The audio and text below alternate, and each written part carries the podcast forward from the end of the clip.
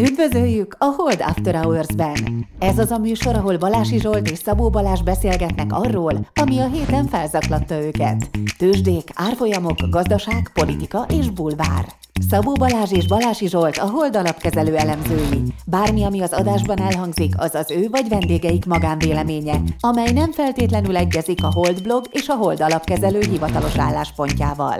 A műsor szórakoztató célral készült, befektetési döntések alapjául nem kíván szolgálni. A Hold alapkezelő ügyfelei és alkalmazottai egyaránt rendelkezhetnek pozíciókkal az adásban tárgyalt pénzügyi eszközökben. Na hát üdvözlünk mindenkit. Jó reggelt, sziasztok! Hiányzott már, hogy így kezdjem. Mindig, mindig túl, mi vagyok, túl simulékony vagyok, és az ügyfelek Igen, Kedvét meg, hajlasz, meg, meghajlasz, megtörsz a nyomás Gerinc. alatt, ne tedd. gerinctelen csúszómászó vagyok. Úgyhogy visszamentem a nahát üdvözlő, gerinces nahát üdvözlünk mindenkit be. És mm, ó, lesz, most jó sok szakma lesz. Egyrészt a, má, a utolsó fél óra az Ádám lesz. Ádám, aki, aki az orosz szakértőnk. Akit orosz szakértőnek vettük föl, de az orosz szakértők erodálódtak, mert Putyin mindent erodál, amihez hozzáér. Így van, azóta Ádám lassan egy éve más szakért, úgyhogy majd megbeszélitek mit. Így van. Hát most annyira szakmai volt, hogy mindenkit megijesztek. Tehát a végén Ádám fölállt a másfél A4-es oldalai jegyzetével, és azt mondta, nagyon elégedetten. Jól van, minden okosságot elmondtam. Pótol engem, mintha Kína téma lenne. Így van. A, egyébként zöld acél téma lesz. Csűha! Hát az még a Kínánál is izgalmasabb. Kemény lesz. Kemény. Aki nem hallgatja Aki végig, elég kemény, az végbírja a zöld így acélt van. is. Aki nem hallgatja végig a zöld acélt, azt kitiltjuk a további podcast hallgatásból. Na, figyelj, most pont most jött megint a Concord. Concord fizetés szolgáltatása, hogy küldje ezeket az egymondatokat a piacról, amik nem amik jól leírják a hangulatot, meg szórakoztatóak is. Első mondat, például a FOMO is more powerful, erősebb, mint a Fed, a FOMO, az a Fear of Missing Out. Mit szólsz ehhez, Balázs, ez a mondathoz? Hát így van. Mindenki azt várja, hogy a Fed mikor fordul, és hát előre szaladnak a befektetők, már azt árazzák, hogy a Fed biztosan fordulni fog, és ennek megfelelően mennek is fel a piacok. Hát meg azt is is- éppen 4080 pont, ami itt ilyen lokális csúcs ment egy ilyen, hát egyébként nem olyan nagyon sokat, de azért egy olyan 10-10 pár százalékkal fentebb van, mint a legeslegalja tavaly. Hát igen, de ugye meg az is, hogy eleve egy csomót emelkedtek a kamatok, és mondjuk az S&P 500 az lent van egyébként. Az, az egész lent van. De tessék, A ami Russell 2000 az fent van ami a, inkább a reálgazdaságra kitett papírokat jelenti. Kisebb papírokat, reálgazdaságra kitett papírokat. de annyira fent vannak a dolgok, hogy itt a home builders, home builders a, a, a házépítő szektor az Egyesült Államokban 40% crash in sales, tehát a, a forgalmuk 40% esik vissza, mert az ingatlan piacon összeomlás van, kedves hallgatók, de ezt már én megmondtam. Ha nem csoda, ilyen magas kamatok mellett nyilván kevesebben akarnak most vásárolni, meg És ez nem, ez nem egy amerikai exotikum, ez Magyarországon is így lesz. Vagy nem feltétlen lesz. Na mindegy, szóval ilyesmi lesz. Na mindegy, de ennek ellenére, hogy összeomlik a eladásuk, a all-time high-on van, vagyis near all-time high-on vannak a részvényeik. Hát FOMO, nem? Nem tudom, mi ennek az oka. Hát az az oka, hogy azt gondolják, hogy ez a helyzet átmeneti. Hogy így is lesz kereslet majd magas, magasabb kamatok mellett is, vagy nem is lesznek olyan magasabb kamatok, ahogyan a piac árazza. Hát ezt tudom mögé látni. Hát ö, igen, van egy kis fomó, én is érzem. Igen, de ezért mindig le vagyok hülyézem, mindig, gyakorlatilag minden helyzet átmeneti. Tehát nincs nem átmeneti helyzet, mindenki nyugodjon meg. Minden helyzet átmeneti. Ami néhány éves már, azt nem hívjuk átmenetinek. Értem. Hát jó. Na, az elmúlt 20, mi van? Elmúlt 1927 óta, 7 óta több mint 20 bear market rally volt, ami plusz 15%-nál nagyobb volt. Úgy látom, ezt is annak titulálják, ez azt jelenti. Ez a, nem? Valahogy erre ez az, utál ez az egész, hogy FOMO van, meg hogy... De minden szofisztikált elemzőház az, az, az indulást, amikor elindul egy rally, akkor az bear market rallynak kell, hogy, nevezze. Mi is belessünk ebbe a hibába sokszor, úgyhogy hát a versenytársak is. Én nem esek bele, hiszen Nem, te mindig a másik irányt csinálod. Te szerinted minden rally rendes rally, és nem a medvepiacban valami felpattanás. Minden, minden esés az kamu esés. De hát igazam is van. Hát minden all-time high vagy közel. A DAX all-time van, amikor itt háború, háború dugul, úgymond háború dúl a szomszédban. Na, ö, Hát az lehet egyébként, hogy a DAX az valamiféle erősebb ralliban van, az S&P meg egy kicsit kevésbé. Az persze nem lehet, hogy a DAX 100%-ot emelkedik, az S&P meg csak 10 azt nehezen tudom elképzelni, tehát a kettő azért valamennyire együtt fog mozogni. de lehet, hogy egyik erősebb ralliban van, mint a másik. Szerintem is Európa egészen biztosan az elmúlt pár hónapban sokkal erősebb ralliban van. És azt nehéz bear market rallinak mondani, mert Európában van, azt hiszem, nem? All time high van a DAX. Hát talán még nincs all time high-on, ellenőrizem. De olyan magam. nagyon közel van. nem? Közel van hozzá. Jó van, akkor most nem ellenőrzöm. Tessék, újabb sor. Minden alkalommal így áll, amikor a Snap elhibázza az earnings-et, tehát gyengébet jelent a vártnál, és több mint 10%-ot esik. Gondolom, ez akkor negyed évet egyszer ihatsz. Hát ez pont tegnap megtörtént, igen. De Úgyhogy ba- mi- akkor volt, volt, volt, volt lehetőség az ivásra. Így január végén. Igen, majd szerintem negyed évente egyszer. Vagy lehet, hogy az egyszer warningol, akkor is esik egy kurva nagyot, meg aztán, amikor bejelenti, akkor még akkor is esik egy kurva. Lehet, hogy negyed évente kétszer is lehet innen. Nem tudom, de szerintem a Snap az egyszerűen túl van tolva ilyen szempontból, hogy ez majd előrejelzi a Facebookot. Nyilván valami irányt mutat, de hogy egyszerűen az van, hogy a Snapet le lehet másolni. A Facebook, ugye amikor a Snap nagyon nagy sztár volt, ez nem tudom, már négy-öt évvel ezelőtt volt, akkor az volt, hogy majd a fiatalok ezt fogják használni, és Facebooknak nagy versenytársa lehet, akkor egyszerűen a Facebook elkezdte a Messengeren, meg egyebeken keresztül lemásolni az összes dolgot, amit a Snapchat tud, és hát meg is lett ennek a zára. Tehát a Snapchat azért eléggé e, ilyen értelemben veszített sokat a, a, abból, hogy ő mennyire innovatív. Ja, most azért ránéztem, tehát a Snapnek van honnan esnie, mert 8-szor fölment 11 és félre, azaz közel 50%-ot emelkedett december közepe óta. Nézd meg, hol volt régen az árfolyama. Azt is lát. Igen, tehát így nem, nem nagyon Mondj, lát. mondj be ilyen nagyobb számokat. Jó van, de látok 80-as árat is, most 12. Na, akkor most kontextusba helyeztük, igen. De most akkor megírunk egy kicsit a avokádókon? Vagy, vagy az, az, Az van, hogy ez a Snap, ez, ez nem az elmúlt két évnek a találmánya, mondom. Ez inkább öt éve volt nagy sztár. Nem tudom, nézzük meg pontosan. Hát, de... 21-ben volt ez 80 dollár, tehát ez is ugyanúgy, ez pont ugyanaz, mint a Zoom vagy bármi, szóval. Na. De azt látom, hogy elég nagy gap, gap downok vannak benne. Ez, ez egy olyan csárt, általában ilyen folyamatos vonal szeket lenni egy csárt, ebben ilyen kurva nagy izé, rések vannak lefelé. Azt hiszem erről beszélt a Drinking Game kiírója. Na, figyelj már, a Chinese New Year, a BYD, ez ugye ez van a, a kínai elektromos autógyártó, háromszor annyi autót adott el ebben a periódusban, mint a Tesla. És gondolom a kapitalizációja a százada, vagy tizede, vagy nem tudom mennyi. Én se, de sokkal kevesebb. Igen, tizede inkább. És Visa, tessék, hát hol azért recesszióban? Visa bejelentette, hogy a US holiday spending 41%-kal volt magasabb, mint 2019-ben. De abba a, abba a BYD-be azt hiszem a befektető Warren Buffett is. De most ezt ellenőriznünk kéne, Zsolt. Azt hiszem, én is azt hiszem. Úgy. Reggel tetted be ezeket az új információkat, Igen, hogy nem tudtam készülni. Igen, igen. Na figyelj, semmilyen recesszió nincs. Na, bennünk, bennünk- van a recesszió. Hát nem tudtuk, hogy itt izé CEO-zunk, meg CIO-zunk, meg minden szízünk, és nem tudtuk, mi a C-szút. Ezt megkaptuk több helyről. Milyen idege, izék vagyunk mi. Nem tudom, mik vagyunk, dilettánsok. Nem tudjuk, mi a... Igen, hát Orsi is írt neked, hogy Neked szílevelöztünk, is- neked is szílevelöztünk, miközben nem vettük észre, hogy a Nem, pont te egy kvázi- CEO-ztunk, miközben nem tudtuk, mi a C-level. Igen, de én mondtam, hogy van hogy C-level máshol, és hogy nálunk nincs, vagy nem tudunk róla. Igen, az. igen. Jó, Na. bénák voltunk. A CEO-ban a CEO az a CEO, a chief, a főnök. De megkaptuk izé, a magas C.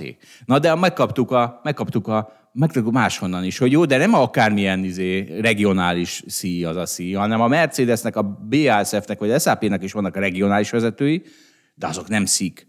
A C az E fölött van, az a nagy BASF. Igen, tehát a magyar vezetők jól lettek húzva. Ebben a levélben. A magyar, tehát a lányvállalatok vezetői nem, nem cég. Igen, gondolom. Az cég. író szerint.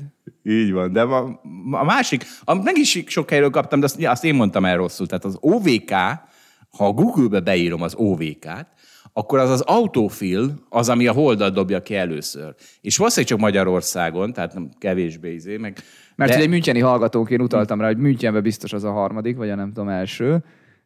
De nem így van, egy müncheni hallgatónk írta, hogy sajnos nincs benne a top 10-ben. de az más, OVK. de azt nem is mondtam. Tehát azt mondtam, az autofill, amit kidob. Tehát nem a, ha beírod, hogy OVK és rákeresel, akkor, akkor hátul van. De az autofill az más, az, az jobban érzi az idők szerét. És, és most mindenki írja be. Mindenki írja be. az Mindenki írja be inkább, hogy online vagyonkezelés. Vagy azt, hogy OVK, Ki lehet kiírni? és nézze meg, hogy ki jön a hold. Ha nem jön ki, akkor írja oda, hogy hold, mert senki ne akarja elvenni a bónuszomat.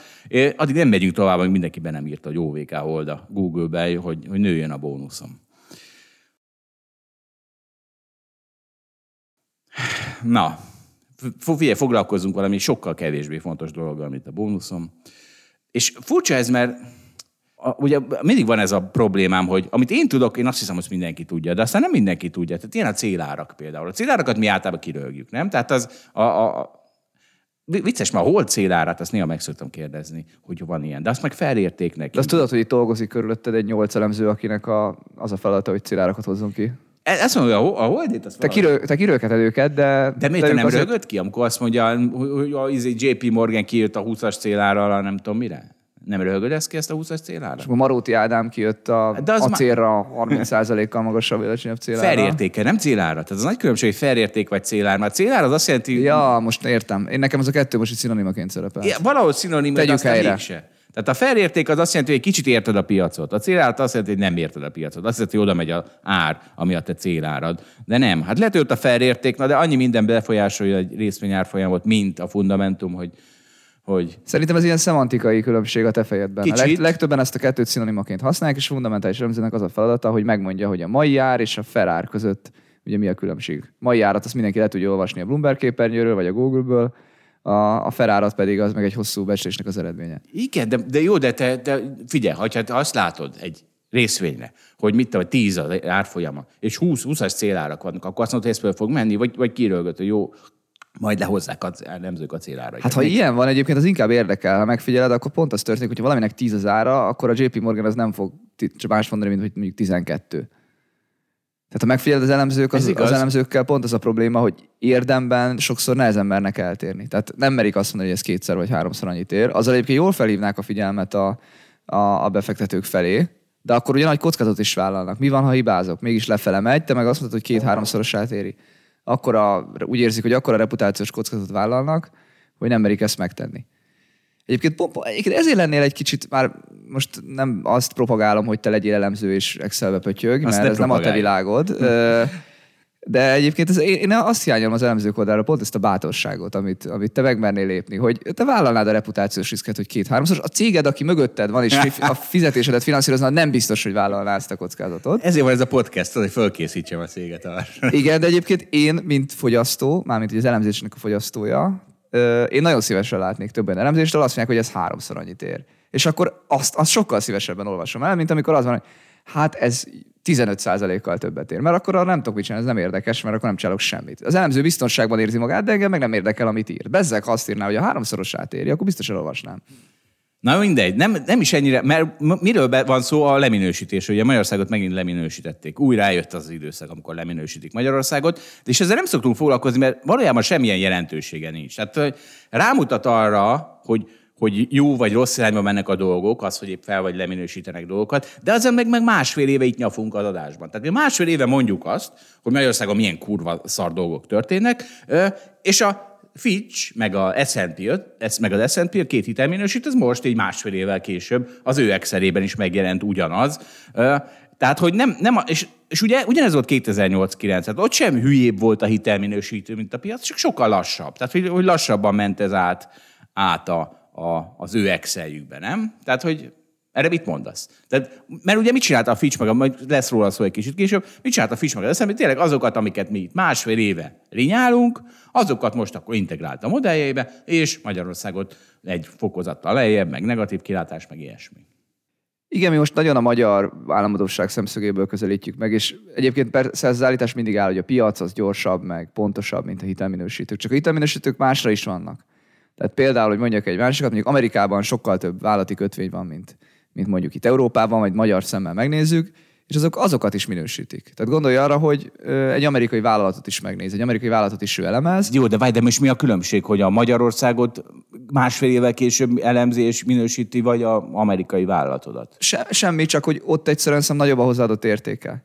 Tehát, hogy ott az, aki mondjuk a venni akar abból a kötvényből, az ezt meg tudja nézni, annak ad egy biztonságot, hogy egy komoly elemző csapat megnézte ezt a vállalatot, megnézte, hogy potenciálisan vissza tudja De fizetni Balázs, ezt ez a komoly kötvényét. elemzői csapat az, amelyik Magyarországon másfél éves késéssel közölte, hogy jó, itt baj van. Igen, de nem tudom, hogy a 892. amerikai vállalatnál egy közepes méretű befektetőnek nem ad-e valamit. A másik, hogy leasing cégek, bankok hozzá tudják nézni azt, hogy ők hol tartanak. Tehát, hogy ugye sokan félnek egyébként leminősítéstől, mert hogy drágábbak lesznek a, a hiteleik. Tehát ilyen értelemben van hatása a piacra. Van egyébként. Tehát, Tehát, hogy ne, azt akarom csak mondani, hogy most azt mondani, hogy most itt Magyarország szemszögéből, a, ami egyébként tényleg értem, hogy késéssel jön le, azt is értem, Nem is hogy, árfolyam Azt is értem, hogy mondjuk itt van a Hold, vagy akár a Concord, vagy nem tudom, egy magyar elemzőház, aki baromira jól ismeri Magyarországot, mert van neki egy tizenvalány fős csapat, és mindenki foglalkozik Magyarországgal. Itt nem fog hozzáadni azt, hogy mit mondott a S&P vagy a Fitch. Máshol se, hiszen az árfolyam meg se rezdült, se a forint, se a kötvény, semmilyen árfolyam nem rezdült meg arra, hogy most hirtelen 2012 után újra jött le Magyarországra lemenősít. Igen, értem. Tehát ezzel mindegyet értek, hogy a piac az sokkal fontosabb. Azt nem mondanám, hogy semmi értelme nincs ettől a, ezeknek, a, ezeknek a minősítőknek. Mondom, van valaki köti hozzá, vagy nézi ezeket.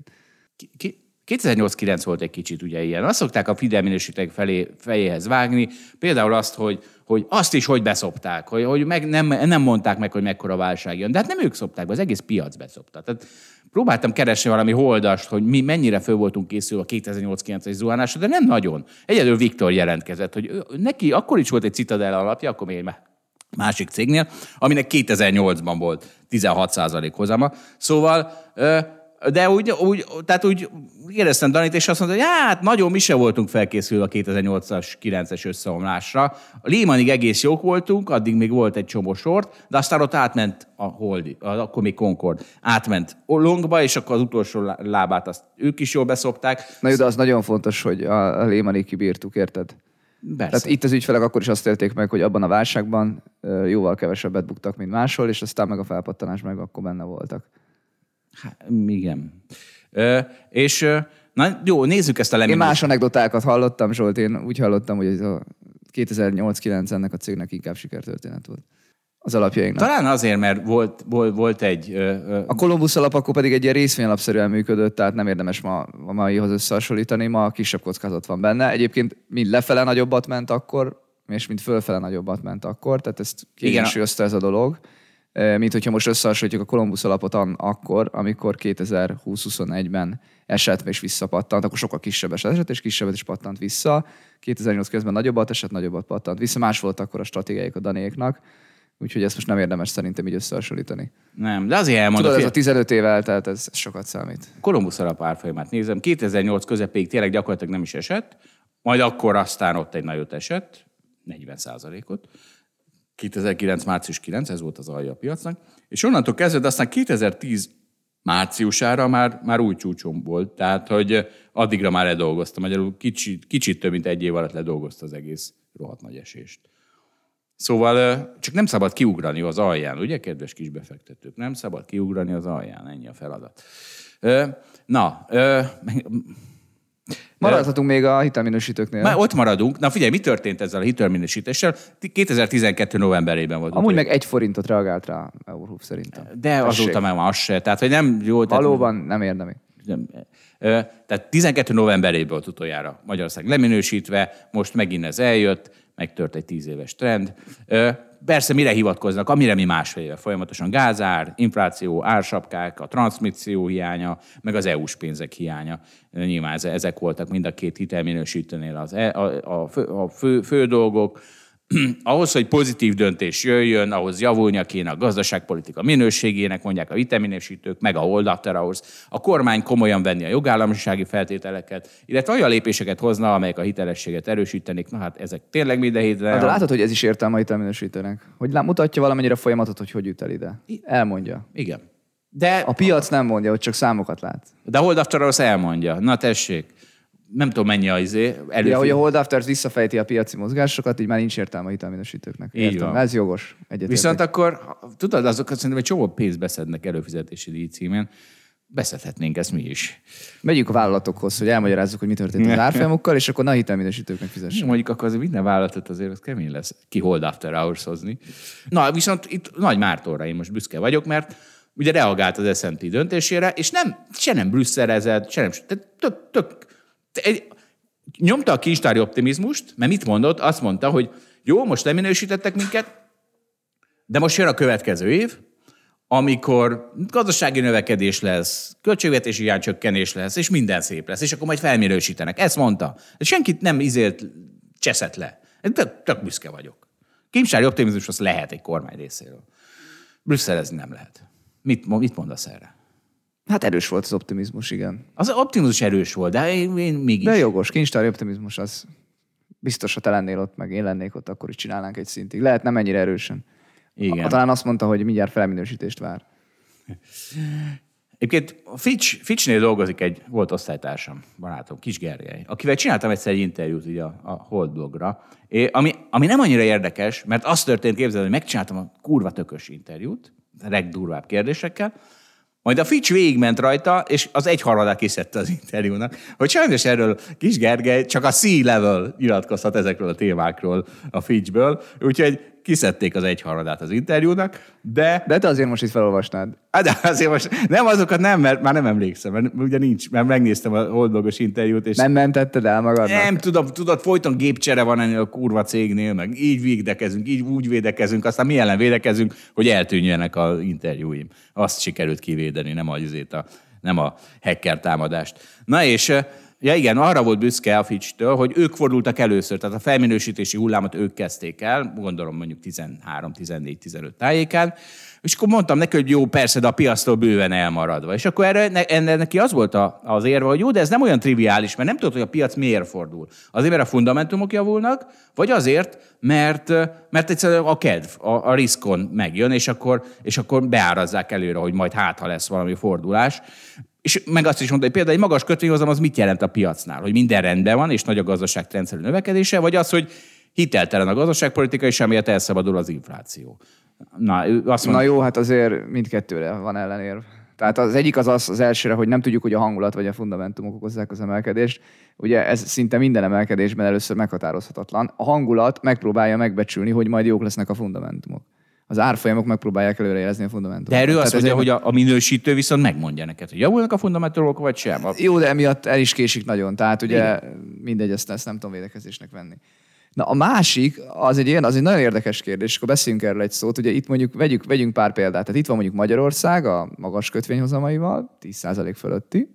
Ott van mondjuk Amerika, ugye ott már a alapkamat mondjuk 5%, és akkor ugye a hosszú hozamok meg három, tehát az 10 éves állampapírhozam mondjuk 3,5% körül van, és akkor mondjuk itt van Németország, ami meg 2-2,5 százalék körül van mondjuk egy 10 éves kötvényhozama, hogy az alapkamat. Tehát ugye most fogják emelni, nincs a három fölött a, a német 10 éves, de nézd meg azért Zsolt. És akkor mondjuk ott van Japán, ahol meg még mindig nulla és egy között van, mert ott meg még mindig tartják. Na mit láttál Zsolt? 2,3. igaz? Ó, hát igen. Jobban gondold meg. Hamarabb kell ehhez felkelni, Honnan? mint hogy német kötvényhozamban. Itten leírva arra, hogy ez ilyen boomereknek való instrumentum. Én szoktam, én szoktam ezeket gyakran nézni, ezeket a tíz éves kötvényhozamokat. Ennél egy tökösebb instrumentum. Japánban meg még alacsonyabb. És most vegyük végig ezt a, most akkor felsoroltam itt a négy országot, vagy régiót, Magyarországot, USA-t, Németországot, Japán. Ugye az van, hogy akkor most azért magas-e valóban, tehát ugye Magyarország az, az miért, miért magas? Most kockázatosság probléma van, vagy annyira erős lesz a növekedés, hogy itt nagyon magasak a kötvényhozamok. És akkor ugye miből áll egy kötvényhozam? Most így fel, szét fogom választani három felé, ugye reálhozamból, várt inflációból, meg legyen valami kockázati felár. Bele egyébként a utóbbi időszakban, mivel a jegybankok nagyon támogatják a kormányzati politikát, valójában már ugye kockázati feláról ilyen értelemben, saját devizában legalábbis nem beszélhetünk. Tehát lehet, hogy ugye most a ma- ma- magyar dolláros kötvény nézzünk, abban van kockázati felár, a forintosban ugye nincs értelme ezt nézni. A CDR spreadben is ugye az ugye régen volt divat nézegetni, amikor még Magyarországnak sok államadósága volt, akkor ugye, ugye devizában van, van nem fizetési kockázat, tehát ott, ott van kockázati felár, forintban kinyomtatjuk a kötvényeket, és akkor, és akkor nem lesz, maximum nagyon értéktelen lesz az a forint, meg az a kötvény. Jó, de akkor devizás CDS felát mindig értelmes nézni. Igen? Igen, na de és akkor azt akarom mondani, hogy tehát van olyan helyzet valóban, amikor egy országnak kockázatossága okozza azt, hogy, azt, hogy elszálltak a a hozamok, vagy a kötvényhozamok, tehát drágán tudja magát finanszírozni.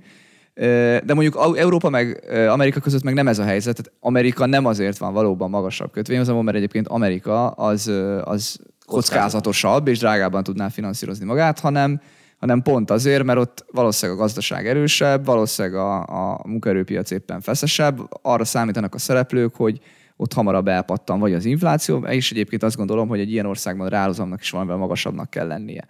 Tehát nem arról van szó valóban, hogy a Amerika kockázatosabb lenne, szemben mondjuk, és akkor a japán példa ugye a legextrémebb, ahol, ahol azt gondolom, hogy, hogy ugye nagyon alacsony a kötvényhozamok, mert ott soha senki nem vár inflációt, hiszen a historikus számok azt mondják, hogy Japánban nagyon-nagyon extrém esetben tud csak infláció lenni. Hát szerintem most egy ilyen van, tehát Japánban is kell inflációnak lenni, meg egyébként már mutatják is a számok, hogy van. De még tavaly nyáron is ezt nézegettük, hogy oké, már az USA-ban itt az infláció, de Japánban még mindig nem tudom, azt írták, hogy maximum 2% infláció lesz, azért azóta nagyot változott a helyzet, de de azt akarom mondani, hogy valóban nem triviális, csak, csak hogy ezt, ezt ne látná a piac, mint hogy most én itt nagyjából leírtam, hogy mindenki tudja, hogy Amerika nem azért magasabb, mert kockázatosabb, ezt azért látja a piac, tehát ezt nem a Fitch fogja meg az S&P másfél évvel később helyre tenni, szerintem a piaci szereplőknek a fejében. Én így látom, úgyhogy, ja, úgyhogy egyetértek azért a kritikáiddal. Mondom, vállalati kötvények esetén szerintem van értelme. Ú, basszus, egy 8 percet beszélt, és az utolsó két mondat volt a válasz a kérdésre. De, de, Zsolt, de én figyeltem. Én ilyen fundamentális elemzőként szeretem felépíteni az érvelést. Örülök, hogy figyeltél. Na, na én megértettem. Aki nem értette, zárjuk, meg, le, zárjuk le az elemzőket, meg a minősítőket, de tényleg az én üzenetem akkor az, és akkor ez legyen az utolsó kérdés, hogy térjenek el, mondjanak, mondjanak más, és akkor az izgalmas. Egyébként mondok egy ilyen példát, a Tesla-ra de volt olyan időszak, már nem tudom, ugye mindig változott az a részvényalapozás időszakában, de volt olyan, hogy a JP Morgan meg a Morgan Stanley célára között, vagy felértéke között tízszeres különbség volt. És igazából hiszem a JP Morgan volt a tökös, mert ő azt mondta, hogy ez a Tesla ez, ez nagyon keveset ér, Morgan Stanley az meg folyamatosan húzta fel, meg hype De, de várj, de hát fölment a francba, tehát akkor, akkor most melyiknek volt? A, a, a, tökös, a, a, a végén már egyiknek sem, mert a, a Morgan Stanley azt mondta, hogy még 50%-ot megy fel a csúcsáról, a, szerintem a JP Morgan meg azt mondta, hogy a tizedére fog esni, és akkor egy kicsit mind a kettő, most mind a kettőt túloztam. Hát tudjuk. egy kicsit mindkettőnek megy ideig a Morgan Stanleynek, aztán meg most már JP Morgannek. De egyébként nem, nem tudom, azt nem néztem meg, hogy a JP Morgan végül is kibírta el. Lehet, hogy, de lehet, hogy a végén felemelték ők is ja, 1500-ra, és akkor bebukták, nem tudom. De a Morgan Stanley az már úgy próbált érvelni, hogy a Tesla mennyit ér, hogy így szétszette öt cégre a Teslát, hogy itt az önvezető rész ennyit ér, a nem tudom milyen rész annyit ér, majd a, ami, ami lesz majd az önvezetőből a taxi nem tudom mi annyit ér, mert nem tudták, hogy kihozni ezeket a magas célárakat, úgyhogy ilyen hipotetikus cégeket kellett kitalálni. Most nyilván egy kicsit túlzok, mert a Tesla valóban sok opciós értéket rejt, de hogy, hogy ők ezt tényleg megpróbálták kibontani, és azt mondani, hogy ez ennyit meg annyit ér. Látszott, hogy nehezen hozzák ki a magas árat. Na, na, még egy kicsit hozok abból az, abból az interjúból, az érdekes volt. Azt mondta például, az volt a baj, hogy, hogy valami történt a magyar gazdaságban, mondta ez Kis Gergely. Amikor én MNB-s voltam, és ez szerintem én 2010 előtti időszak, akkor a különböző sokkoknak, árfolyam, orajár, tankönyv szerint egyszeri hatásuk kellett volna, hogy legyen, mégis elkezdtek beépülni a várakozásokba, a bérekbe és most is jönnek az árfolyam és olajásokok, ez a tízes évek, mégse épülnek be a várakozásba. Nem látni semmiféle inflációs hatást, mondta ő.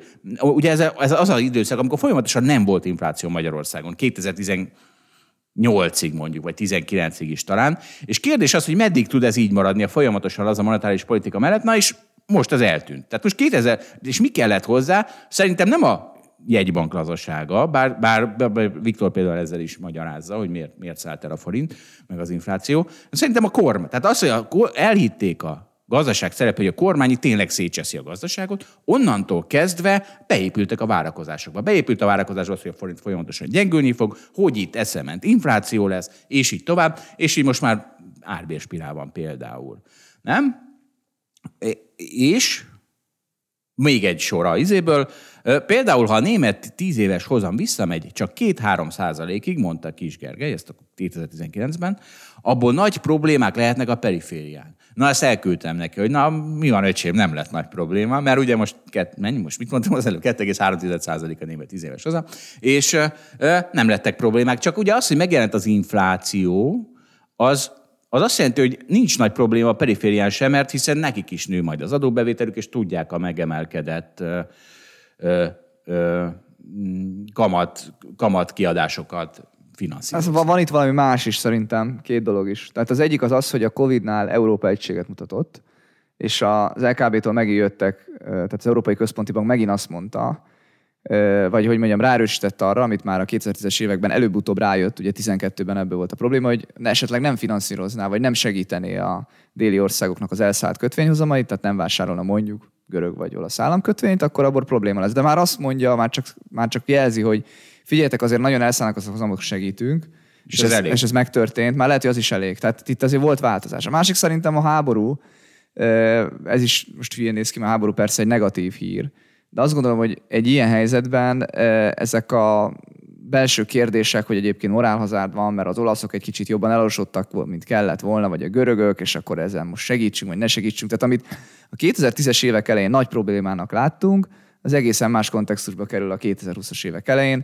Tehát azt gondolom, hogy Európa egyre egységesebb, és azt gondolom, hogy az Európai Központi Bank is tudja, hogy itt segíteni kell, ha baj van, és ez nem kérdés. Úgyhogy, úgyhogy, úgyhogy egyszerűen mások lettek a, a kockázatok a, az elmúlt három évben, és a, ne, nem, valóban nem az olasz meg a görög kötvény azok most a problémák. Mellesleg Görögország az valószínűleg kifenekelt egy nagyon nagy lejtmenetből, tehát eleve már másképp néz ki az a déli ország, kap most egy csomó EU-s pénzt.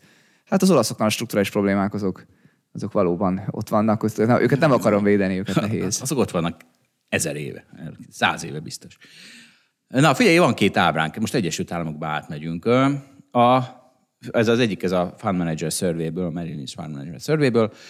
A, azok a befektetők, akik azt mondják, hogy a monetáris politika túl restriktív, azok van erre egy ábra, és ez ötször, 2001 óta ötször volt, akik, azt, akik többen voltak azok, akik azt mondták, hogy restriktív, ez van most, volt március, 2020 márciusában, 2011 decemberében, 2008 decemberében és 2002 novemberében. Tehát mindig egy ilyen piaci stressz helyzetben, amikor hirtelen a piac annyira elramlott, hogy mindenki azt várta, hogy majd egy bankoknak segíteni kéne. Amúgy mindig folyamatosan azt gondolják, hogy túl stimulatívok a monetáris politikák. Na, hát most ez, ez nagy változás, és, és hogy mi, ez mi konkrétan? Itt van egy M2. M2 az azt jelenti, hogy a készpénz közeli pénzmennyiség a gazdaságban. Tehát ez a készpénz azt hiszem meg talán a, a leg, leg, legrövidebb lejáratú kötvények talán. Mindegy. Az a lényeg, hogy ez, erről meg viszont 1970 óta van egy ábránk, és ez sosem csökkent, ez a pénzmennyiség az Egyesült Államokban, kivéve most. Most csökkentik a pénzmennyiséget, és ettől aztán a investorok úgy érzik, hogy túl restriktív a Fed. De a FOMO nagyobb. Mint hát ahogy... figyelj, azért ritkán van olyan, hogy ilyen gyorsan ekkor átemelkedik a kamat. Ilyen gyorsan ekkor? Hát igen, igen. igen. A nulláról ötre, mondjuk. Igen. Meg olyan is ritkán van, hogy Európa fölül teljesíti Amerikát, és most ez van vélhetően részben ennek következményeként, mert az EKB még nem durvul. Na. Hát nem ennek következményeképpen. Szerintem, de mindegy, nem menjünk bele. Szerintem az EKB is durvul, so, so, so ott van. is a 3% feletti kamat van, vagy nem még nem, de hogy annyi lesz ugye a várakozások szerint. Az is nagyon durva Európának.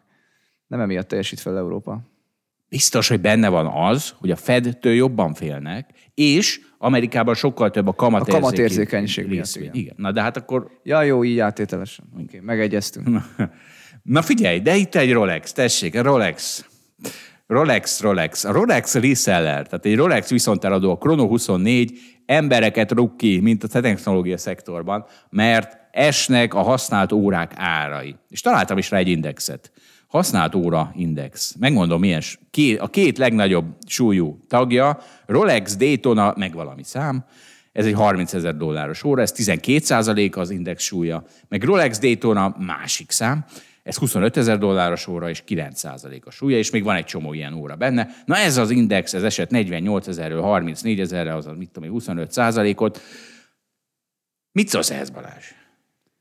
Sosem volt órám, sosem lesz. Ezt a piacot hm. skippelem szerintem, ezt már. Ez pont olyan, mint a NFT se lesz, nem? És se volt, se lesz. Inkább lesz a NFT, mint Rolex-em. Ez az. Na ez az. Mert figyelj, miben más ez a Rolex piac, mint az NFT? Erről már beszélgettünk. Tehát kicsit más, mert több munka Megfogható, van benne. Hát meg értem. van arany. De jó, de tudod mi van? Van két rétege a társadalomnak. Az egyikben az az ostoba, akinek Rolex-e van, és az a menő, akinek NFT-je, a másikban meg fordítva. Az a menő, akinek Rolex-e van, és az a hülye, akinek NFT-je van. Na, akkor Én... nyilatkoztam az előbb, úgy látszik. Igen, de azért ez nem egy, nem egy teljes halmaz, ez a két, két diszjunkt, diszjunkt halmaz, ez egyáltalán nem, nem kell lehülyezni a Rolexeseket, mert az elmúlt tíz évben jól felment az ára, úgyhogy jó befektetés volt. Hát igen, meg, meg hát persze nem kell lenézni a Rolexeseket. Meg hát a Rolexes csak... is olyan, hogy tíz évig rohadtul felfele ment az ára, és most az elmúlt fél évben oké, okay, a nagyot esett 30%-ot, de még mindig ott vagyunk, mint másfél éve. De pont, mint a tehát érted, ez pont, mint a NASDAQ. Akkor kezdett el esni a használt Rolexek ára. A Én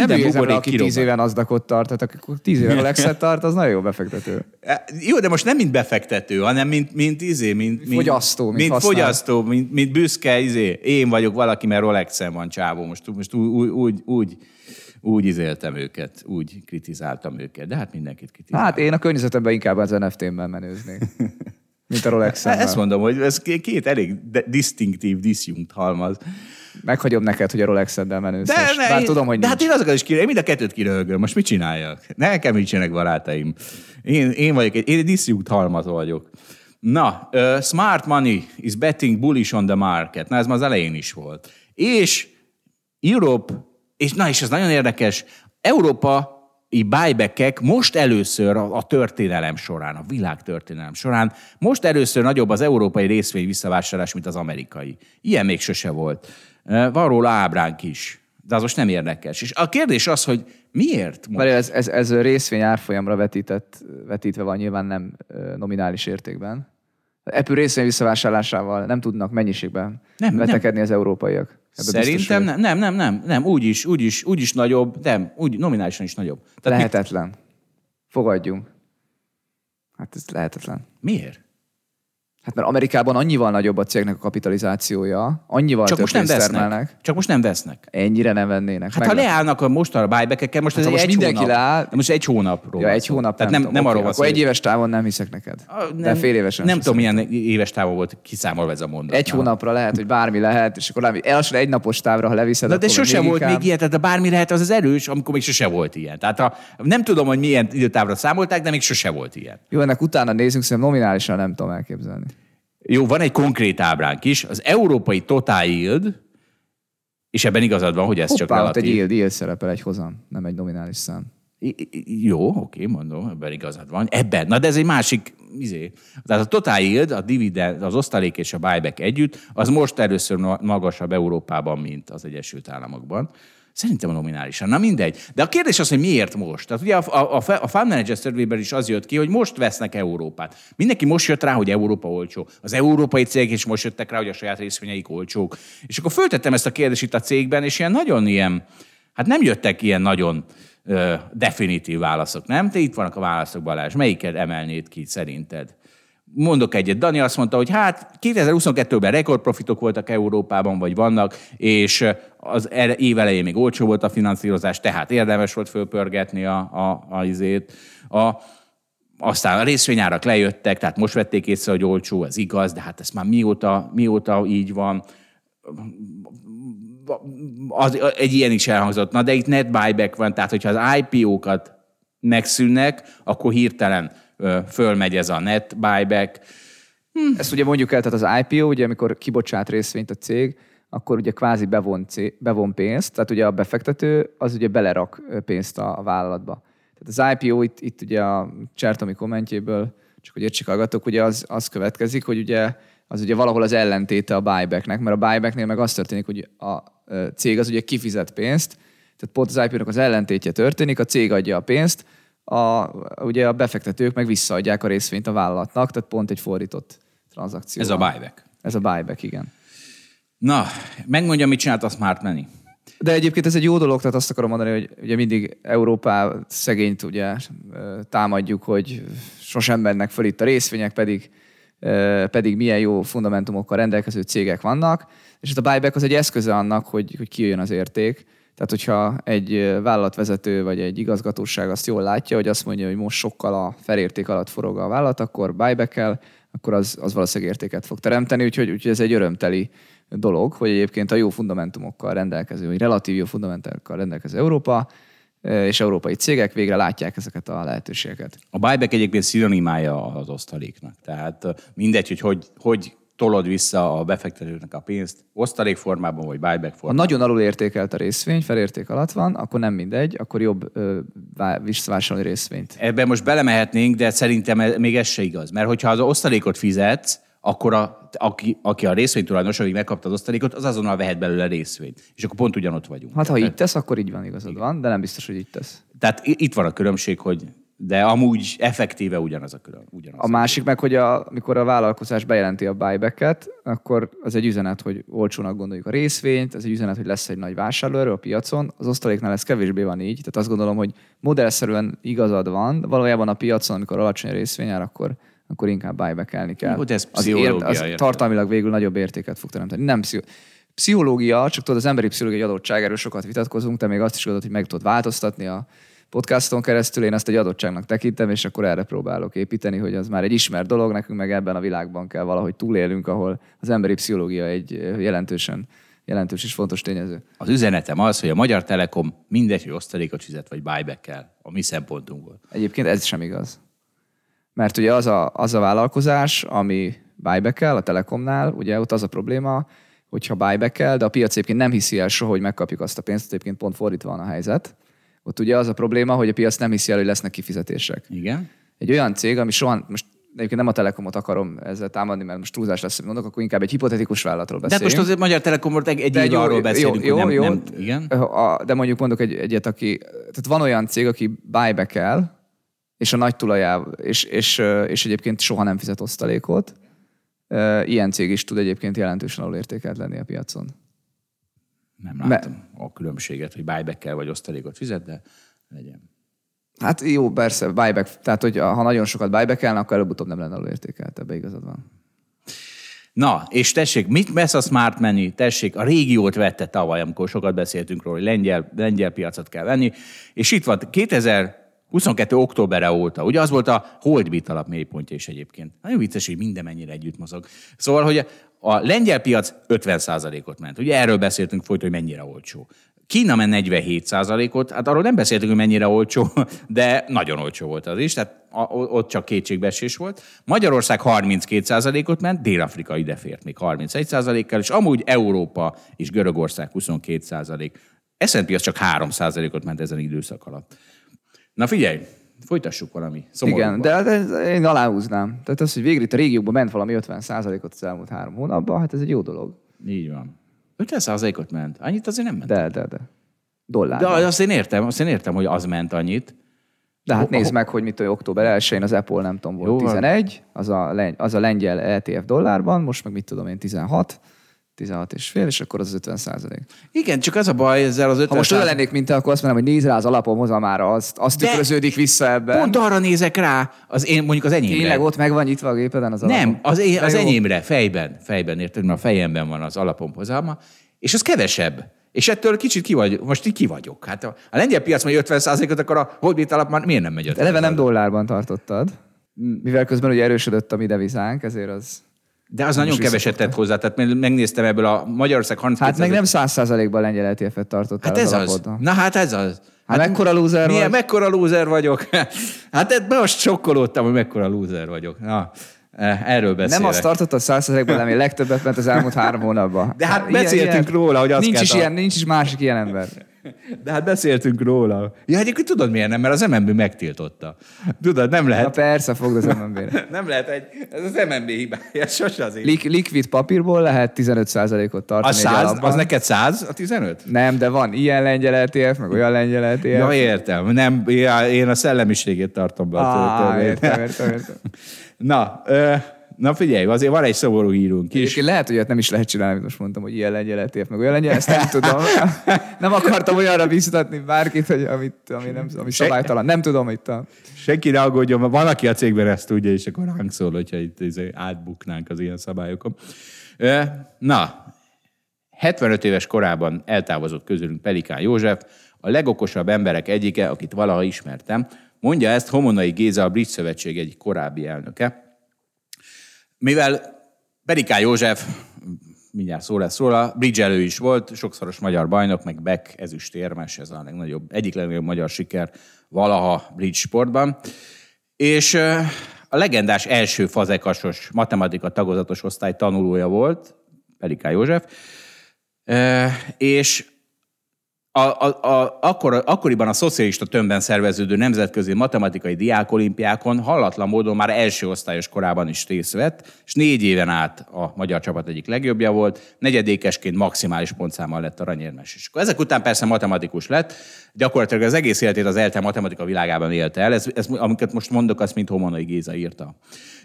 És, de aztán, és ezt ő írja, ez nagyon érdekes, mind szerelmi, mind tudományos téren korán súlyos csalódások érték.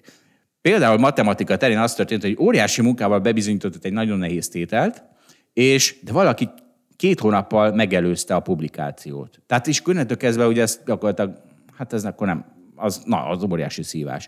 És azt mondta, hogy ettől tulajdonképpen csalódott ember lett, és hiába tanított egész életében 50 évig magyar matematikusok nemzedékeit tanította az ELTE algebra tanszékén, szenzációsan és szórakoztatóan, soha nem ambicionálta az előrelépést. Hasonló karibelű és okosságú osztálytársa Lovász László, szintén négyszeres diákolimpikon, közben valamennyi lehetséges matematika díjat megkapott, világhírű lett, a Magyar Tudományos Akadémia elnöke is volt egy ciklusra. Fura, hogy milyen apróságokon múlik egy életpálya, írta Homonai Géza. Ö, mit, mit mondasz ehhez, Balázs?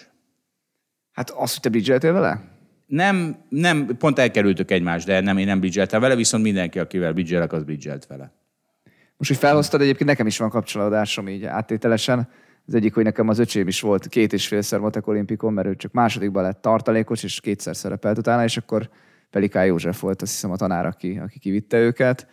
A másik, másik sztori pedig ahhoz kapcsolódik, hogy én matek tagozatos osztályba jártam még a gimnáziumban, és akkor ugye az osztály társaim egy része az matek szakos lett az eltén, és én is eltés voltam, és akkor mondták nekem, hogy figyelj már, hát itt van egy ilyen nagyon durva óra, az algebra óra, figyelj, hogy, így, izé, hogy azt hittük gimiből, hogy így azért értjük a dolgokat, meg nem tudom, de gyere be ide, ez még az első fél évben volt, gyere be erre az órára, és akkor aggódtam, hogy de figyelj, hát ott lesz a tanárad, nem fura eleve, 20 vagytok, ki fog, nem baj, nem baj, csak gyere be, azt így röhögél, hogy így milyen ez az óra, hogy így mennyire durva. És akkor emlékszem, hogy egyszer így behúztak a, a matekos barátaim, hogy így, tehát belül, én, a, én közgazdász voltam, és nem tanultam a Pelikántól, de hogy, de hogy behúztak erre az órára, és emlékszem, hogy beültem egy órára, és akkor nem tudom, mi volt a téma, semmit nem értettem, és akkor mondták, hogy na látod, ilyen durva ez a, ez a matek szak itt az eltén, a Pelikán Józsefnél, nem értesz belőle semmit, és hogy mi se értünk, és nagyon bonyolult, és nem tudom, és akkor végighallgattam egy óráját. Úgyhogy nekem ennyi volt a közvetlen kapcsolódásom vele. Igen, nekem is közvetlen. És, de ugye mi a bridge azok együtt is éltek vele időnként. Itt van még egy mondat Homonnai Gézától. Brilliáns elme volt, nagyon szellemes társasági ember. Egyszer egy külföldi versenyre utazva szobabeosztást kellett készíteni, és valaki megkérdezte tőle, hogy Jócó, te horkolsz? Mire így válaszolt. Erről megoszlanak a vélemények. Szerintem nem, mások szerint igen. Eh, na Balázs, konténerhajó. Tessék, jöhetsz megint. Ez furcsa, hogy a konténerhajó az folyton előfordul. Hát te hozott fel, téged már jobban érdekel, Igen. engem. Most az az egyik legnagyobb pozícióm egyébként. Úgyhogy beszélj róla, légy valamit. Igen, Zsolt feldózlát, mert az MPCC nevű vállalkozás tegnap bejelentette, hogy nem e- egyrészt eladott egy hajót, ennek, ennek örült Zsolt, de vett másik két hajót, A hülyék. aminek meg nem örültél. Nem, de más se örült. Te Hát se én- örültél. Én sem feltétlenül örültem. Ugye ennek azért van sok tíz hajója ennek a cégnek, 50 fölötti hajója, tehát azért eltörpül az, hogy egy-két hajóval mit csinálnak összességében. Még nem voltak olyan drágák sem az, sem az eladás, nem volt olyan érdemi sem a vétel. A trend, a trend. De ugye az, az a kérdés ilyenkor, hogy ugye mi, miért félünk attól, hogy egy vállalkozás sem egyébként hajókat tulajdonul, ad vesz hajókat. Hát ez azért felmerül, mert felmerülhet a laikus hallgatóban, hogy ezzel mi egyáltalán a probléma, vagy milyen Mert van probléma. egy másik cikk, amit szintén küldtem. Hát ugye arról van szó, hogy most a, a hajószállítási díjak azok összeomlottak, és hogy most nem látszik úgy, hogy egyébként nagyon jó, jó lenne a jövője ennek a hajózási piacnak, hiszen ugye az történt, hogy a Covid-ban nagyon sok ipari cikket vettek a fogyasztók, nagyon felpörgött erre a kereslet, a hajókat ugye két-három év alatt lehetett megépíteni, kezdenek megépülni ezek a hajók, jönnek be a vizekre, ez ugye Nagyon sok jön be. Most nagyon sok jön be, ciklikusan visszaesett a kereslet ezekre az ipari dolgokra, meg ezekre a fogyasztási cikkekre, és egyszerűen annyi történik, hogy ugye összeomlottak a díjak ennek megfelelően. Akkor minek vesz valaki hajót? Tehát egyrészt Zsolt, ugye milyen áron ez egy kérdés, és ugye ilyenkor fontos az, hogy az ember nem csak egy hajós céget vesz, hanem egy menedzsmentre is fogad. És a menedzsmentnél arra próbálsz fogadni, hogy reméljük, hogy ez a menedzsment az adott piacon, meg a jövőbeli várakozásokhoz, saját várakozásainkhoz képest, ő úgy fog eladni hajót, hogy ha egyébként azt gondolja, hogy, hogy egy a hajót jó áron el lehet adni, mert egyébként rosszabb pénzeket tud utána azon keresni, akkor eladja, és csak akkor fog venni hajót, ha pedig, ha pedig nagyon olcsón tud venni, és egyébként ezek a jövőbeli cashflow ezt igazolják. Én azt gondolom, hogy ennek a cégnek a track recordja inkább jó, mint rossz. Persze nehéz megbecsülni azt, hogy ettől még a, a jövőre vonatkozóan mi fog történni. És, az, és befektetők mindig felszisszennek, amikor így azt mondják, hogy hú, vettünk hajót, főleg, hogyha rossz a, rossz a, rossz a jövőkép. Hát mert úgy érzed, ne, várj egy picit, tehát úgy érzed, mintha a tetején vennének. Tehát azért, ugye az- a fundamentumok már kurvára elromlottak, de még azért a, a hajó árakban még ez nem jelent meg. Tehát egy, egy kicsit olyan, mint azok a avokádok, akik megvették a Teslát a, a csúcsához közel, vagy egy pici visszaesés után. Nekem ez a problémám. Hát csak ennél ugye bonyolultabb, mert hajót 10-15 évre veszel, te most látod a következő 30-40 két évet. évre inkább. Nem, hogy- nem, ezek a hajók 25 évig élnek. Egy ilyen konténerhajó az 25 évig, 25-30 évig van használva. Bízzál bennem ennek. Ne, nem, nem azt nézem meg. Mondja. Mielőtt ellenőriznél a Google. Már nem ezt ellenőriz. Mielőtt ellenőriznél a Valami mást Google-ben, vagy a ChatGPT-ben, nyugodtan kérdezd meg a ChatGPT-t, hogy meddig, meg él, meg, meddig él egy konténer hajó, meddig kérdezem. használják. Egyébként ugye most, amikor nagyon jó a piac, akkor 25 helyett inkább 30 évig is használják, vagy még azon Na, túl is. már ugye jön az a 30-40 50, de év. 50 az nem lesz belőle. Félsz a dehogy is. Igen. Na, de a kérdés az az, hogy mind, mindig azt, ezek a befektetők, akik szkeptikusak a menedzsmenttel szemben, mindig attól félnek, hogy a menedzsment az igazából túl akar élni, és hosszan, ha túl akar élni, az azt jelenti, hogy mindig vezérigazgató akar lenni a vezérigazgató, és hogy ez egy ilyen félelmetes dolog, és nem a befektetők érdekeit nézi. Mert ugye itt az történik, hogy sokszor ezek a hajók, ahogy mondom is, ugye lejár az életkoruk, tehát előbb-utóbb ugye elviszik őket a bontóba, letermelik a cashflow-t, és, és utána vas lesz belő, va- vasat eladják, és akkor ugye pénz lesz a hajóból végeredményben. És akkor ha, ha minden hajónak úgymond lejár az életideje, akkor előbb-utóbb egy nagy pénzen fog ülni a menedzsment. Hát és akkor mi értelme ennek a menedzsmentnek, aki ül egy valak pénzen, hát az fizesse vissza a befektetőknek, az vége a cégnek. És itt az merül fel mindig, hogy nem, nem, nem, nem esetleg az a helyzet, hogy a menedzsment az, az hosszan akar vezérigazgató lenni, meg hosszan akar menedzsment lenni, és azért vesz hajókat mindig, hogy egyébként azt tudja mondani, hogy ja, még mindig van pár hajó, még mindig, mindig van, és akkor mindig megforgatja a pénzt, mindig visszaforgatja őkbe, és akkor örökre menedzsment lesz a menedzsment, ők mindig jól élnek, és hát a befektetők azok, azoknak nem biztos, a legjobb döntést hozzák. Na, én ennél a, ennél a hajós cégnél ettől megmondom őszintén nem félek. Van egy erős tulajdonos, aki oda tette ezt a vezérigazgatót, aki ki is rúghatja ezt a vezérigazgatót. Tehát itt szerintem nagyon erős az érdekegyezőség a tulajdonos meg a vezérigazgató között. Ez persze nem azt jelenti, hogy a vezérigazgató esetleg ne akarna vezérigazgató lenni a 15 év múlva is, de, a, de hogy a, hogy mondjam, a lehetőségek tárházában, hogy milyen, milyen milyen befektetések vannak a tőzsdén, meg milyen vezérigazgatók, én azt gondolom, hogy én megbízom ebbe a vezérigazgatóba. Nyilván az is segít benne, hogy személyesen többet beszéltünk, élőben, elélőben nem találkoztunk, csak, csak online módon. Most a tulajdonosra vagy a vezér? a vezérigazgatóval mondjuk egy 15-ször, már biztos beszéltem, és én, én nagy vonalakban megbízom benne. Tehát van van egy ilyen személyes szál, aztán ez tudod, vagy félrevezet, vagy nem, mert lehet, hogy annyira jó szélszes, hogy jobb lenne nem találkozni vele, és nem bízni benne, mert aztán meggyőz úgy, hogy egyébként nem kellene, hogy így legyen. De hát ez mindig benne van, tehát ez a befektetőnek a feladata, hogy ezt megpróbálja kiszűrni a legjobb tudása szerint. De konténer, tehát Zsolt, tartsa nyugodtan ezt a céget. Most azt gondolom, hogy, hogy a fix cashflow vissza fogják hozni a kapitalizációt. Jó van, a ChatGPT be van telve, mindenki hagyja békén a ChatGPT-t, fontos kérdéseket kell neki föltenni, nem, nem izé, nem, hogy meddig él egy konténerhajó. Nem, Azt nem. megmondja neked a Google is. Jó, de onnan nehezebb. Tehát Képzeld, egy tankerhajó még annyit se él. Azt hiszem, az csak 20 elhiszem. évig. Mi- Én mindent elhiszek. Lehet, hogy a te balatoni kis csónakod 50 évig is elél, de figyelj, ezek a komoly hajók, ezek Gumimatracaim lebomlanak. évente bomlanak. Na figyelj, Na, egy nagyon jó cikk jött szembe. Mit csinálj, mit csinálj, hogyha az agyad a, mindig a, a legrosszabb kész szenárió nyafog. Magyarul, ha mindig hisztizel. És mindig mindenki hisztizik. Ezért ezt most mindenkinek küldöm ezt a cikket. Az a üzenete, ez a HBR, Harvard Business Review. Nem tudom, ismered, ez ilyen, ez ilyen Hát ez, amikor egyetemista voltam, akkor igen, adtak föl a tanárok sokat ebből, úgyhogy igen. Jó, jó, ez ilyen, nyilván a Harvardhoz valami köze van, gondolom én, azért van a nevében, meg ilyen pszichológiai dolgokat Igen. nyomnak. De, és katasztrofizing, ez katasztrofizálás, így fogom nevezni. Szóval a katasztrofizálás az egy, az egy általános reakció a bizonytalan helyzetekre, amikor felülbecsüljük a valószínűségét, vagy a konzekvenciáját a legvalószínűbb, vagyis a legrosszabb félelmeinknek. És ugye a, a tőzsde is ilyen, tehát a tőzsde az fear and greed, és akkor mind a kettő az érzelmek túltengése, mind a kettő hiszti. Csak az egyik pozitív hiszti, hívjuk így, más fölfelé hisztizés. Ezért, ezért fontos ez, ez, ez mindig nekem, ne, nekünk különösen. A agyunk, és, és elmondja az evolúciós okait. Ennek, az agyunk az a, a bizonytalanságot veszélyként érzékeli, és, azért, és ezért van az, hogy a, a fejünkben képesek vagyunk arra, hogy egy elgépelt e-mail után azt, azt elvezessük addig, hogy ki leszünk rúgva, vagy hogy egy diákként ugye attól félsz, hogy megbuksz a vizsgán, és akkor kiesel az iskolából, és akkor már, már is katasztrófa van. Gyerekeimnél ez egyébként nagyon feltűnő. Tehát, hogy most, most volt az egyiknek például az a felvételie, 84 pont, de minden ismerősöm gyerekének magasabb, úgyhogy De az extrém stresszes, úgyhogy. Ami, Meg biztos, hogy nem minden ismerős, hogy gyerekének magasabb, a 84 pont nagyon magas. az, hát akit, én még nem hallottam 84 kisebb számot, úgyhogy, úgyhogy szia. Én, én, én nem mondanék apaként ilyet a podcastban, úgyhogy... Miért? Hát, hogy minden ismerősöm gyerekének magasabb lett. Hát én ma mondtam a gyerekemnek, hogy szíjat hasítok Hát általában. menjél haza, aztán mondjál valami mást, mert rossz, Ja, rossz apa leszel. Ne, kiröhögött. Ne aggódj, ki, Ja, kiröhögött. akkor jó, akkor kirög, akkor jó, akkor rendben Ki, van. kiröhögött. Szóval, ugye, hogy működtünk a dzsungelben annó, hogy a, mindig a legrosszabbra kellett számítani, mert hiszen amíg a dzsungelben mászkálsz, addig, addig, addig az életet menthet.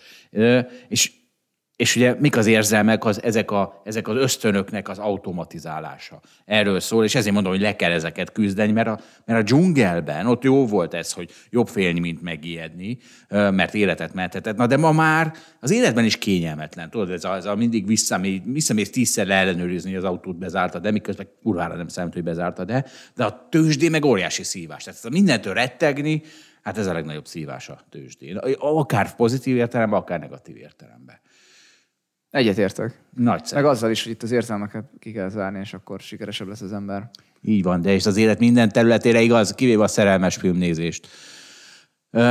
Na, és ez a katasztrofázizálás, ez, ez nagyon, nagyon, nagyon általános, sőt a legáltalánosabb a fiatal felnőttek közt, 18 és 35 éves közt, és azért, mert ilyenkor nagyon sokat változik az életünk, ez a van pszichológusnak, a- vagy pszichiáternek, a nem tudom ö, és, de az agyunk még nincsen a prefrontális kortexünk, nem tudom, hogy ez magyarul, az még nem fejlődött Nem vállalkozom rá, hogy én fordítsam ezt, érted? az még nem, az még nem fejlődött ki eléggé ahhoz, hogy, hogy a, a, agyunk ezeket a problémákat, ezeket megoldja, mert még mindig fejlődik. És a, Akkor még benne vagyok itt a pácban. de mindegy, mert nagy stressz alatt viszont gyorsabban fejlődik. És, és ez az, amiért a fiatal... Hát dehogy is, hát ez a baj. Ebbe a korban van nagy stressz alatt, tök rosszul érzed magad. Igen, ez igaz. Elvileg, hát ez szerint. Igen. De hát de van, aki korábban érik, van, aki később, tehát ez nem, ez nem így megy, hogy mi- mindenkire egy kaptafa igaz. És, de ez nem azt jelenti, itt is van, hogy a fiatal felnőttek nem tudnának együtt élni ezekkel a dolgokkal, hanem azt jelenti, hogy ez a legjobb mó, ö, időszak arra, hogy azokat az új, új habiteket, új szokásokat fölved, mint szépen lelassítani és végig gondolni dolgokat. Nem, amúgy én ezzel egyetértek. Magamon is észlelem. Tudom, a gyerekeimen is látom, igen. De hogy szerintem ez egy normális folyamat, hogy amikor fiatal vagy, akkor mikor azt mondod, hogy ez a vizsga, ez elképesztően fontos.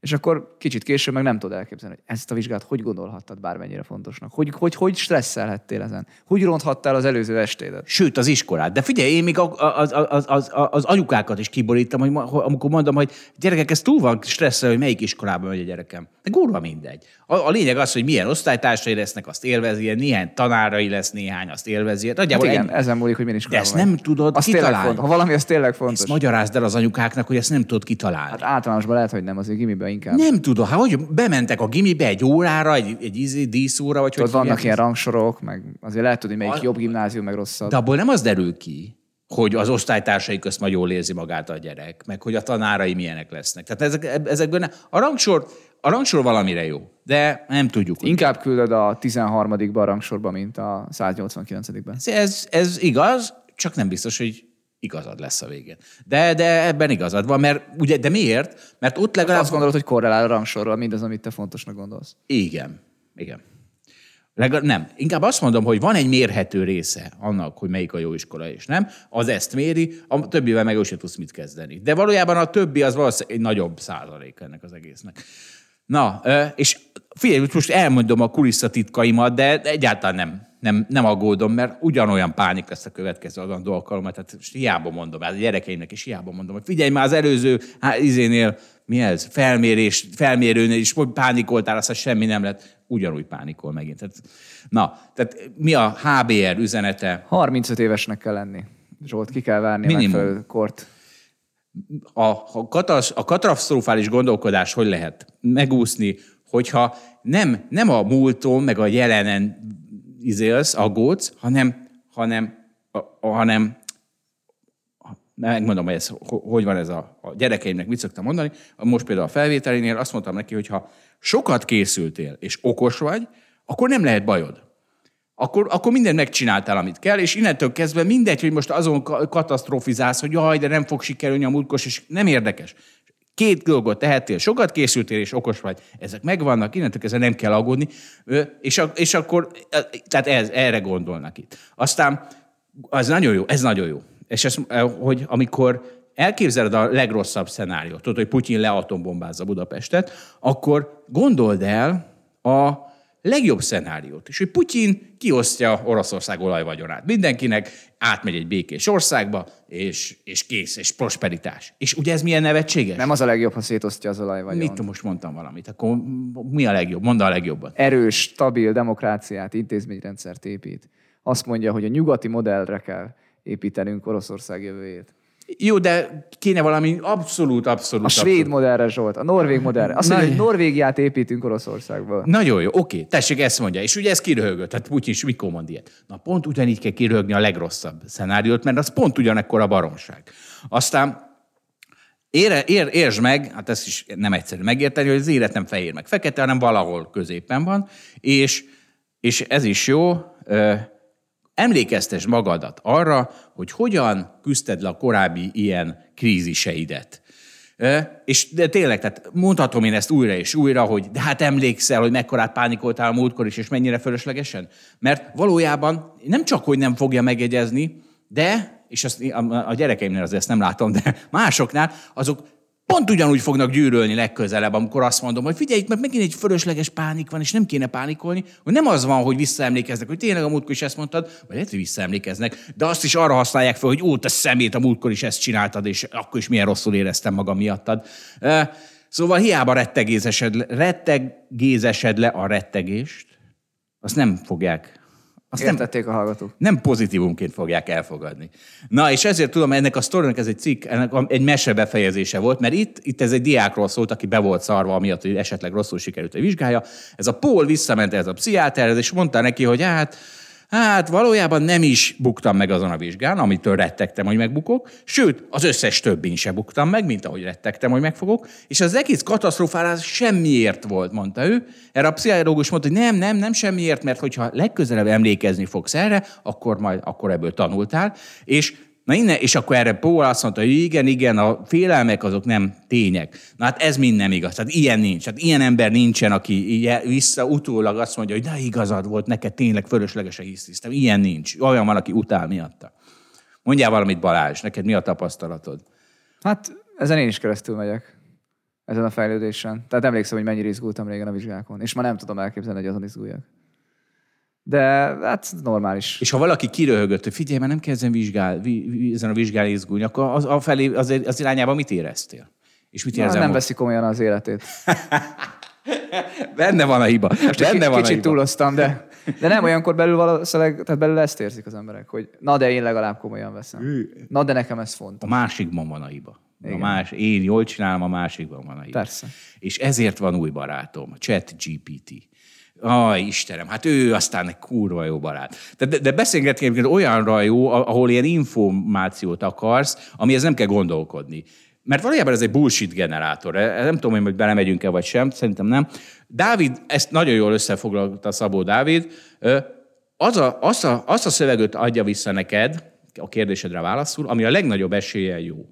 Tehát, hogy egy ilyen bullshit generátor, és, és meg lehet fogni olyanokkal is, hogy mit a háromszög, belső, háromszög szögeinek összege, meg szóval ilyen egyszerű kérdésekkel is meg lehet fogni, de amikor bullshitelni kell, akkor nagyon jó, amikor ilyen, és itt van egy ábránk, hogy hol használják ezt már sokat, hát a bullshit szakmákban. Marketingen, advertising, marketingben, finance, consulting, tehát ahol ilyen, ilyen e-mail draftolásra használják őket, és nagyon vicces, mert még a techben, és tudod miért? Mert a programozásra is nagyon jó. Tehát a programozásra ugye vannak ilyen séma válaszok, megkérdezed, hogy hogy kell lekódolni azt, hogy nem tudom mi, arra elég séma válasz van, amire nagyon jól használható a ChatGPT, és ott használják még nagyon sokat, meg a bullshit szakmákban. A programozás legalább nem bullshit. És figyelj, megmondom, mi az, mitől lett ez még jobban a barátom. Megkérdeztem tőle, hogy a rendszer is rigged, against women? Tehát, hogy mondjuk egyszerűen mondjuk el vannak nyomva a nők? Mondjuk így. Értjük, értjük. És, és mire, mire számítottam, hogy majd visszaadja a szokásos bullshit választ, hogy hát egyfelől egyrésztről igen, másfelől nem, mert mindenre így válaszol, de itt nem. Itt, itt közölte legnagyobb meglepetésem, hogy igen.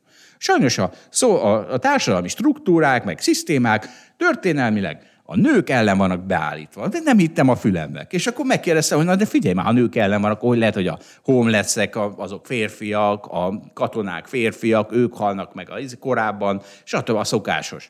Tehát, hogyha nem a vécsgepet nézett, hanem más aspektusait. És mit válaszolt? Elkezdtünk gondolkodni ezzel, vagyis elkezdett így gondolkodni, és elnézést kért, hogy hát igen, az első válaszom egy kicsit, kicsit más, rossz volt a fókusz, meg, meg, hát, meg hát végül is én csak egy chat GPT vagyok, aki a, a belém táplált szövegekből táplálkozom, tehát a válaszom, és kérdeztem, hogy lehet, hogy az biased, az a, az a izé. Mondta, hogy jaj, hát igen, igen, ez mindig is egy probléma a mesterséges intelligenciáknál, hogy az egy elfogult, a, a, a, a programozói elfogultak, és, és képzeld, mire jutottunk a végén, ezt írta nekem, a jövőben, ha megemlítem, hogy egy csoport milyen hátrányokkal néz szembe, akkor I will make sure, hogy megemlítem, hogy más csoportok milyen hasonló hátrányokkal szembesülnek szintén, és ezzel egy kiegyensúlyozott perspektívát nyújtok az issue-ról. Tehát tanítod a ChatGPT-t. Tanítom a ChatGPT-t. Kedves hallgatók, a ChatGPT mostantól okosabb, Balási Zsoltól tanul a Balási elnyomásról. Zsolt. Lehet, hogy ezzel valaki egy chat GPT a google figyelj, az a baj, hogy a Hold Podcast nagyon erős versenytársat kapod, mert azt hitted, hogy ezt a 8000 hallgatót tanítgatod, de hát a chat GPT-t tanítod, akkor a nagyobb hatásod van. Lehet, hogy váltanod kéne, Zsolt. Teljes állásba chat GPT-t tanítani. Igen. és ezzel mindenki. De igen, csak az nagyon mindegy, ez nem tudom mennyire szórakoztató. Ne, én jól szórakoztam nagyon ezen. De tényleg, hát ilyen nincs az életben, hogy valakinek elmagyarázott, hogy figyelj már, a, a munkanélküliek nagy része is férfi, meg a börtön töltelék, és akkor azt ja tényleg, hát akkor nincsenek is elnyomva a nők. Azért ezt, azért ezt nem mondta a Ezt nem mondta a ChatGPT se, igen. Tehát, hanem azt mondta, hogy ez igaz. Tehát, de jó, de viszont abban megegyeztünk, hogy ha az egyik csoport is kurvára el van nyomva, meg a másik csoport is kurvára, akkor egyik sincs elnyomva, hanem Ilyen az élet. Az élet kemény. Elnyomás, elnyomás hátám. Na, most nem, itt van egy hosszú kifejtés a ChatGPT-nek, azt lehet, hogy máskor. Majd máskor izélünk. Jó. Menjünk izére. Erre a csajszira. Hát ez a csajszi, ezen beszartam. Ez a csajszi, ez a rendcsinálás csajszia. Hogy hívják? Merikondo. Merikondo. A rendrakás... Nem ismerted őt eddig? Nem ismertem. A rendrakás japán Alul, király. Nagyon durván alulművelt vagy. De tudod, mi a durva? Hogy ez a csaj hajtogatással Ilyen ismert ember. Hát me- mekkora nulla hozzáadott mindset, érték. Zsolt, ami mögötte van. Istenem, Attól lett ismert. Mekkora nulla hozzáadott érték a hajtogatás meg a rendrakás. Hát olyan, mint hogyha valaki le, megvenni a WC papírt, letekercselni, és sokkal szebben föltekercselni, majd azt mondaná, hogy tessék, én vagyok Marie Kondo. És akkor, és akkor csodálkoznék, hogy jó, hát tényleg most sokkal jobb ránézni. Nem, a Marie, Marie Kondo szerintem nem azért híres, mert tökéletes, nyilván a könyvei miatt híres, meg a nem tudom, influencersége miatt híres, ami mögött szerintem az van, hogy ő elég praktikus. Tehát én is azt kaptam valamikor karácsonyra, gondolom, hogy Orsitól, vagy az édesanyámtól. Anyukától, anyukától kapta, én már tudom. Hogy, hogy ugye hogy lehet nagyon praktikusan, gyorsan összehajtani valamit. Érted? Tehát, hogy a hülye is tudja. A hülye is meg tudja csinálni. Be, bekurd a sarokba. Úgy lehet nagyon gyorsan valamit. Mari Kondót néztem, megnéztem most akkor, hogy hogy hajtogat ő. Hát öh, jó, hát az lassabban. olyan, olyanoknak is jó, amit ő tanít, akik, akik kevés időt akarnak ezzel foglalkozni. Pont emiatt híres szerintem. Nem amiatt, mert ő a legprecízebb. Na minden, Orsival egy generációs és szexista gepre ta- ta- találtunk Meri Kondóval kapcsolatban. Én azért küldtem el ezt nektek, mert ott volt az első komment, top komment a Telexen, random arctól, amiben azért nyafog, hogy, hogy hát ez a Mari Kondo, aki a három gyerek után most már úgy érzi, hogy nem, mégse olyan fontos dolog a rend. Kedves Mari Kondo, a három gyerek előtt sem olyan fontos dolog az a rend. Szóval Mari Kondo föl van háborodva, hogy Mari Kondo az a harmadik gyerek vállalása a túlnépesedéshez való hozzájárulás. Érted? Hát ti erről beszéltek, hogy igazából ezzel nem is foglalkozik senki, na és ezen, ezen Orsival ebben volt a gap köztünk. De te mert, de azt hiszed, hogy azért, mert olvasol egy ilyen kommentet, ezért minden 20 éves ezt gondolja. Áj, áj. ez egy hülyeség. Ez a, ez a top komment. Tehát azért vegyük észre, ez a top komment. Tehát ez rátapintott a generációtok. Ez, ez hülyeség. A generációtok izére, neuralgikus pont, gépontjára. Zsolt, aki hisztit a keres mindenhol, az hisztit is fog találni. De hát itt jelöl... Minden sarokban hisztit lát. De itt objektíve jelölve van, 24 lájka van jelölve a hiszti. Hát érted? Hát a Excel modellem vörösen fölízzott ettől a izétől. Na, e, tehát, hogy és, és mi volt?